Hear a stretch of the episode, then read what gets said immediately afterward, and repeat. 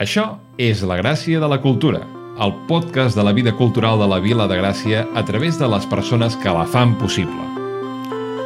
Som a Gràcia, un districte ple de teatre, de cinema, de galeries, de sales de concert i d'espais on desenvolupar projectes artístics i on compartir-los amb el públic. La cultura també està al carrer, també crea comunitat, forma part del teixit associatiu de l'ADN gracienc. Aquest podcast pretén donar veu a totes les persones i col·lectius que porten a terme diferents projectes culturals i artístics, perquè la cultura són les persones. Benvingudes i benvinguts a la gràcia de la cultura. Comencem!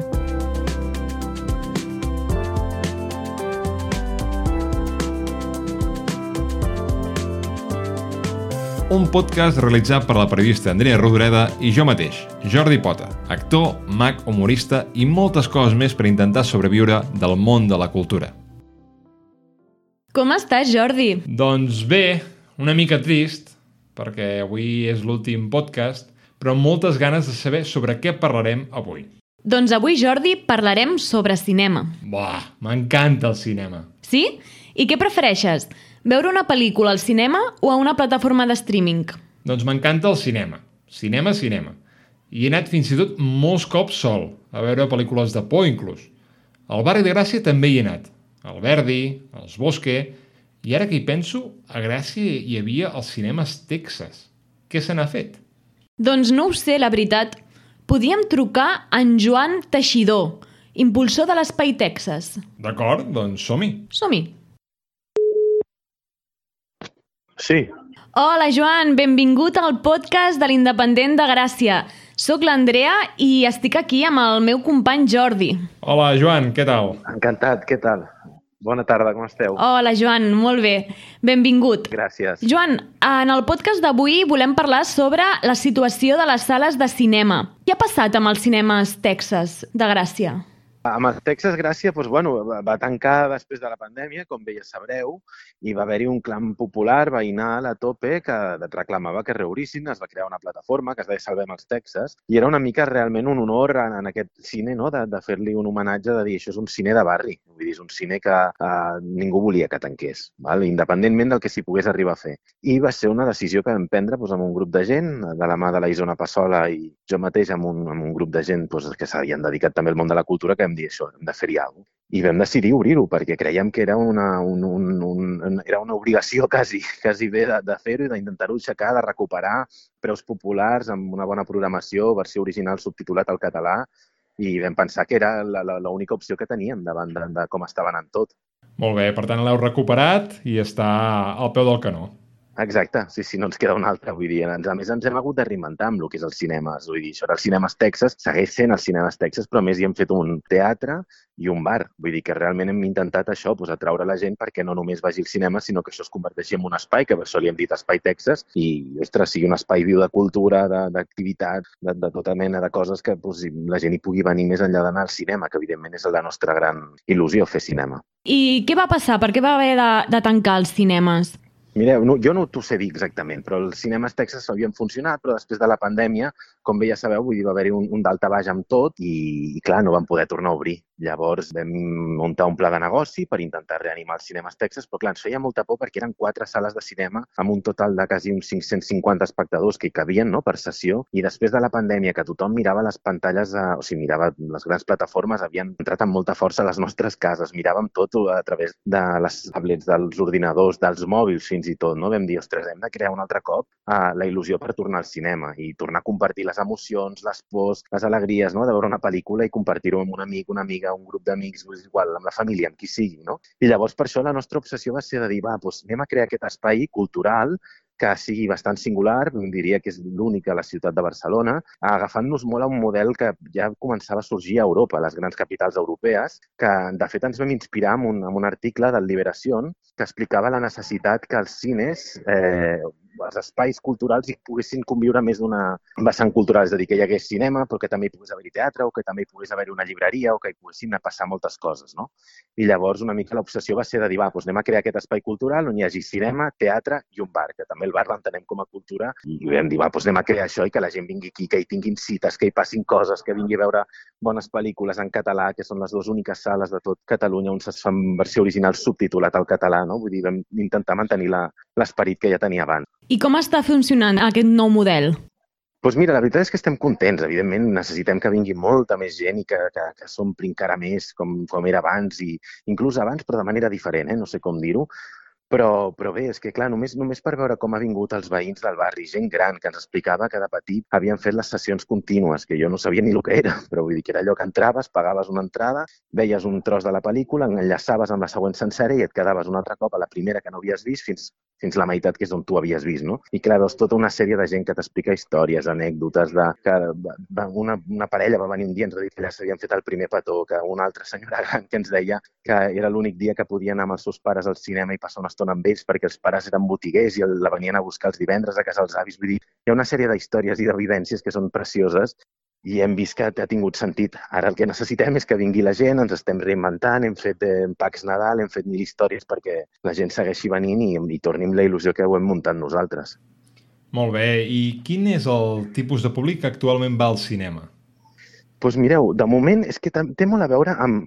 Hi ha, hi ha diversos factors. El primer factor és l'horari en funció de l'horari, a les sessions de les 4 hi ve un tipus de gent, a la de les 6 una altra i a del vespre una altra. És a dir, la, la, la sessió de les 4 hi ve gent més gran, gent jubilada, podríem dir. A la de les 6 s'hi barreja un, un públic de jubilats i també gent més jove. I als vespres sí que hi ve més gent més jove, no? I és una mica per això també nosaltres fem un tipus de programació amb aquesta línia, és a dir, amb, la, amb, aquest, amb aquest criteri, no? de dir què li interessa a un tipus de gent i aquí hi ha un altre. Uh -huh. I com ha sigut el passat de Gràcia envers el cinema? I com li veus el futur al, al mateix barri? Mira, no t'ho sé dir, perquè això va canviant molt, la veritat. I, a veure, el que hem vist és que la gent, tothom coneix el Texas, aquí en el barri, tothom eh, alguna història hi té, alguna relació hi té, i tothom té ganes de tornar-hi. Llavors, per això nosaltres, la nostra obsessió sempre ha sigut que, que, que sigui un espai viu. Ja sé que m'estic repetint i és una mica el mateix discurs, no? però al final la nostra obsessió ha sigut aquesta, de dir, que torni al cinema i que torni aquest espai tan singular de Gràcia, que al final és un dels cines més... Té més de 100 anys d'història, vull dir que amb això ja està tot pràcticament dit i han passat generacions. Això va ser un menjador social durant no la Guerra Civil, post la Guerra Civil, eh, vull dir, ha sigut un espai que, que ha tingut molta singularitat en aquest barri, amb molta personalitat i, per tant, confiem i creiem que, ostres, la gent del barri tornarà i no només del barri, sinó de la ciutat. Vull dir, amb aquest tipus de programació tan teatral, cinematogràfica o gastronòmica que hem fet, doncs, ostres, que hi, que hi torni la gent i confiem que hi tornaran. I el cinema en general uh, a Gràcia com ha sigut, uh, com, com és el passat del cinema en general a Gràcia, com va entrar, uh, saps? O sigui, m'estàs comentant que fa 100 anys que esteu a, a, al peu del canó amb el Texas, però com va començar el cinema? Ha estat sempre d'aquesta manera que hi ha molts cinemes o va ser complicat? Com, com ho veus tu? Clar, jo, a veure, el que és la història en si no, no, no et sé dir. Puc parlar dels últims 30 anys, que era els Lauren Films, em sembla, que era una única sala, com això que us deia, no? de la sessió contínua, després ho va agafar el, el Ventura Pons i va fer-hi les multisales, després hem estat ara nosaltres, vull dir que sempre tinc la sensació que aquí, gràcies al ser una vila, no? de les poques que queden a la ciutat de Barcelona, doncs eh, la gent, tot el que se sent una mica seu, doncs, ho, ho cultiva, ho cuida no? i, i se'n fa partícip. Llavors jo, pel que tinc la sensació, el cinema també és un, al final no deixa de ser cultura i també aquí la Gràcia, per exemple, vosaltres ho sabreu, hi ha molta cultura popular. No? Llavors és una mica aquesta cosa del teixit associatiu que la gent doncs, li interessa cuidar tot el, el, el, el que se sent seu i el cinema jo crec que també ha format part de la història de Gràcia.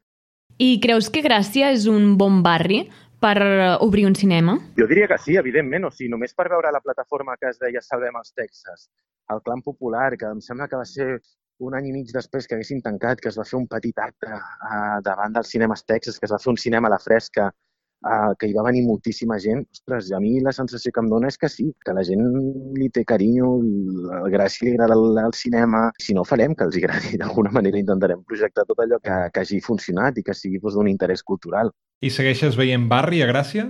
Sí, sí, home, evidentment, clar, les coses canvien. Jo no sé si és una mica una pregunta trampa, això, des del punt de vista que tot està canviant, no?, amb la famosa gentrificació i tota la història, però vull dir, nosaltres, per exemple, ens hem volgut mantenir amb uns preus populars. És a dir, som el cine dels cines més baratos de la ciutat. Les entrades costen 6 euros i el dia de l'espectador 4. I, per tant, ostres, hem intentat que això, que funcioni al barri, que la gent també s'ho senti seu, que no, no sigui un preu inflat, que no te'n vagis a unes multisales i paguis 12 euros més unes crispetes 26 euros com a concepte per una persona, saps? Llavors hem intentat doncs, això, mantenir aquesta, no, aquesta proximitat cap al veïnat. Molt bé. Uh -huh. I creus que les sales de cinema desapareixeran algun dia? Jo crec que no. Jo crec que no perquè ens anirem reinventant, és a dir, no, no, no el cinema, sinó tot, vull dir, el cinema funciona, el cinema funciona, el que passa que has de trobar la manera d'enganxar la gent, és a dir, pots trobant incentius no només econòmics, sinó fent una bona programació. Jo crec que el cinema no pot desaparèixer, és molt difícil, vull dir, que encara que ens anem a, a les grans, les, les, les majors, que, sí, que és Universal, Warner Bros., cada any fan un pel·liculon i ho peten. És a dir, Barbie aquest estiu ha patat, Oppenheimer, ara Indiana Jones, vull dir, com, que, que és, jo trobo molt difícil ara. Que els cines petits puguin resistir és una altra cosa. I per tant jo crec que serà un moment que els cinemes, doncs, els més petits, o sigui, els de barri o els de poble, doncs de reinventar i trobar maneres de dir, bueno, doncs no només hi fem cinema, hi passaran altres coses, no? i conviuran eh, diverses branques artístiques. Doncs, bueno, doncs ja és una manera de mantenir una sala, ni que sigui, i que la gent sàpiga que allà en el seu barri o en el seu carrer o en el seu poble s'hi segueix fent cinema. Perquè ens has comentat que poseu les entrades d'entre 4 i 6 euros. Uh -huh. Realment és rentable treure endavant una, una estada de cinema amb aquests preus? És molt difícil, és molt difícil, però eren partidaris d'això, de dir, quan preferim gent que vingui, que pagui, que se senti gust, que no posar les entrades a 12 euros, perquè llavors sí que per nosaltres no seria rentable. Evidentment és molt difícil. Vull dir, perquè si comences a restar el que es queden les distribuïdores, els impostos, etc, et queda, et queda molt poc. Però creiem, i de moment ens està funcionant, portem quasi dos mesos, demà passat farà dos mesos que hem obrit, vuit setmanes, i de moment no hem tancat, que ja és molt i estem contents, vull dir que jo crec que sí. I en un moment com el que estem ara, ja ens has explicat alguna possible solució a aquest, la pregunta que et faré ara, però què hauria de fer un cinema per atraure a la gent? Què és el que vol el públic actualment? Jo no t'ho sé dir, jo no sóc un gurú ni tampoc tinc ganes de, de tirar-me ni passar-me de llest com a concepte, però vull dir, jo crec que tenim una sort que aquí sempre hi passen coses, no? Hi ha gent molt creativa, hi ha gent molt imaginativa, que després és capaç de dur a terme projectes que puguin fer atractiu, doncs això, els cinemes, vull dir, doncs,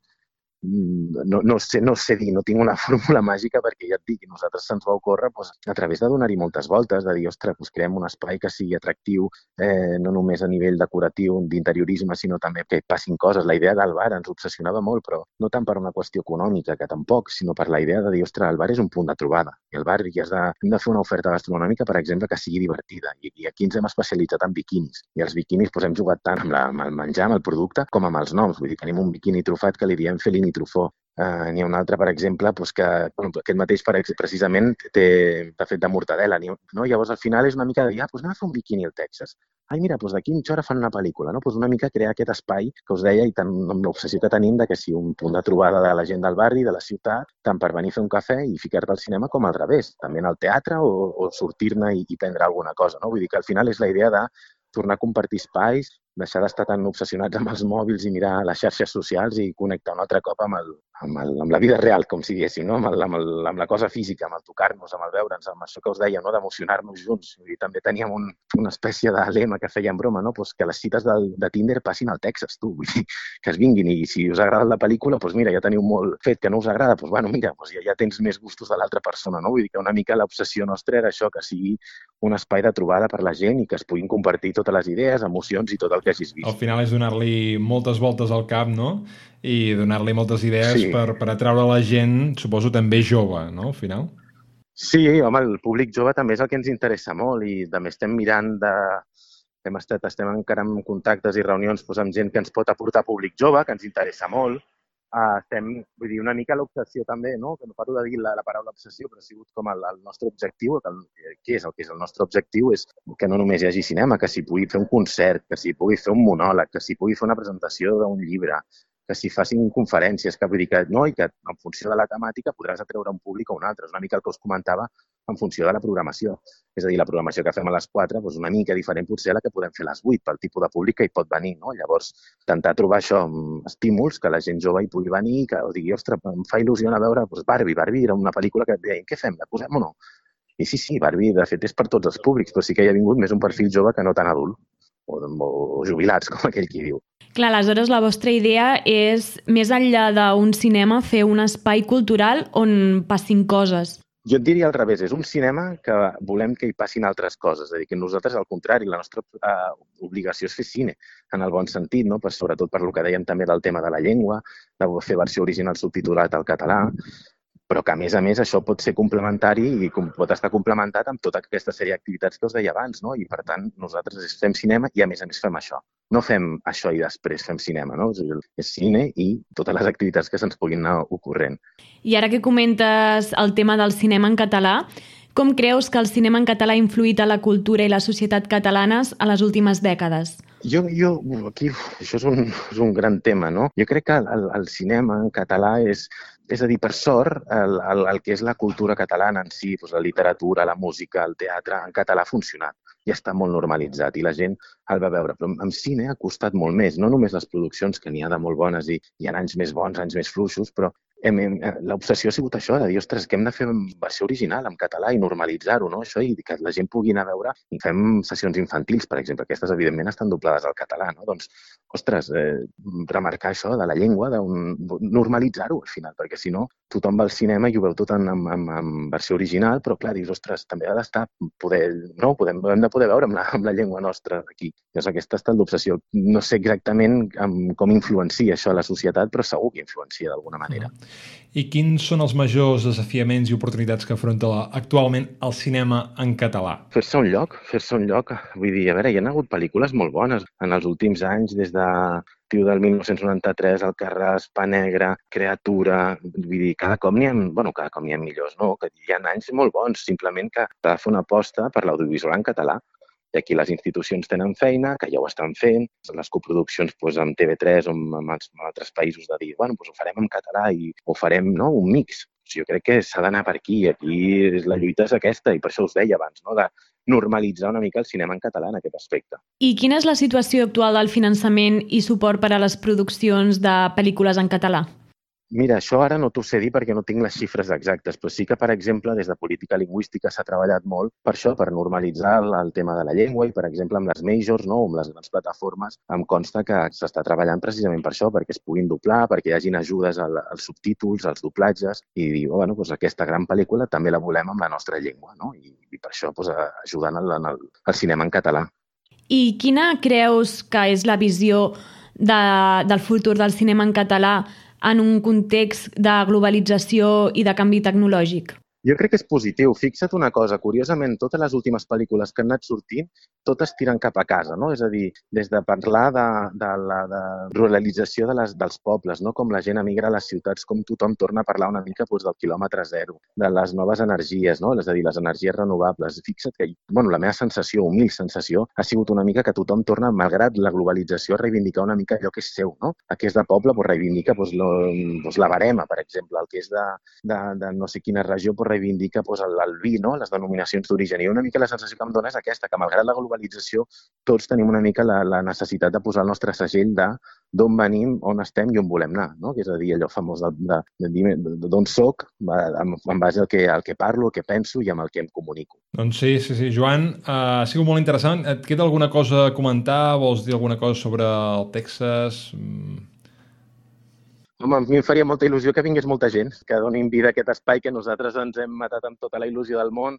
i que vinguin, que gaudeixin, que ens suggereixin i que ens donin tot el suport venint-hi, gaudint del bon cinema, dels entrepans, del teatre que hi fem també i d'aquest espai tan singular de la ciutat.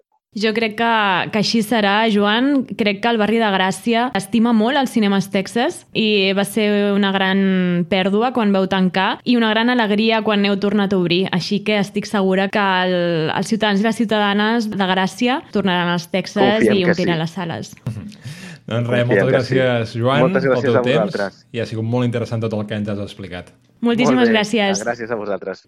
Molt interessant. Sí, molt interessant, Jordi, aquesta xerrada que hem tingut amb en Joan Teixidor, impulsor de l'Espai Texas.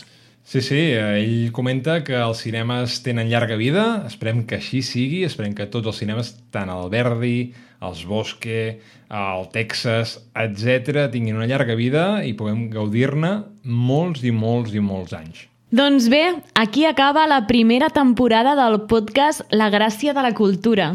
Així que això ja està. Carai, ha sigut un plaer poder parlar amb tanta gent dedicada a la cultura, hem après un munt de coses molt interessants i hem conegut gent molt, molt fantàstica. Doncs la veritat és que sí, Jordi.